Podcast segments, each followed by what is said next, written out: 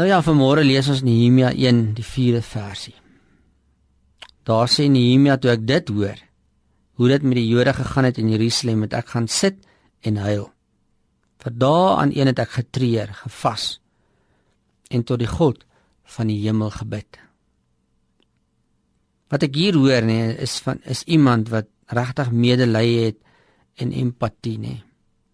'n Diep liggende omgee en 'n stuk opregtheid. Iemand wat iets verstaan en wat iewers iets begryp van om aan 'n ander se skoene te staan. Om 'n ander se klere aan te trek. Om ietsie van sommer net jou omstandighede hulle eie te maak. Dis hoekom hy kon gaan sit het en huil en treur en gevas en gebid oor hierdie omstandighede. Maar kry ook hier iemand wat weet dat by God is hulp en leiding en raad te kry oor iemand anders se leed en swaar kry. Wat Nehemia anders gemaak het, nee, is dat ander mense se nood en leed het hy vir homself aangetrek en dit 'n deel van sy eie lewe geword. Hy kon huil saam met hierdie ouens se nood wie se mure van die lewe omgeval het.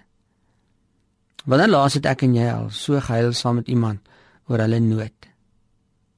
Ek lees net vanmôre hoe iemand geskryf en gesê het ons raak so gewoond, John MacArthur sê dit ons raak so gewoond aan pyn en lyding en swaarkry omdat ons so visueel blootgestel is daaraan vandag dat ons eintlik in 'n mate afgestomp raak.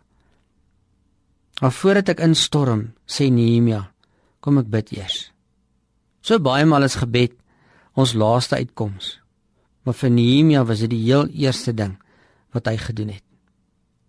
So baie maal dink ons dat ons moet instorm en iemand se omstandighede moet verander. Terwyl al wat hulle baie keer vra is nie dat ons moet stop luister en vir hulle moet bid. Dis nie nodig om omstandighede te verander. Dis nie nodig om in te storm nie. Gebed bring God in die situasie in en maak hom deel van dit wat daar gebeur. Gebed sê vir die een wat swaar kry dat jy ten minste nog glo. Jy wat bid, glo nog ten minste. Jy wat bid, vertrou. Almag die ou wat swaar kry dalk op daai oomblik daarmee sukkel. En dis wat my opgeval het van die 4de versie. Soek sommer net mense elke dag wat bereid is om te luister en te hoor en dan jou hand op iemand se skouer te sit en te sê, "Sjoe man, ek weet nie altyd wat om vir jou nou te sê nie. Maar kom ek en jy bid, want God weet." Here leer my om stadig te wees met raad en vinnig te wees om te bid. Amen.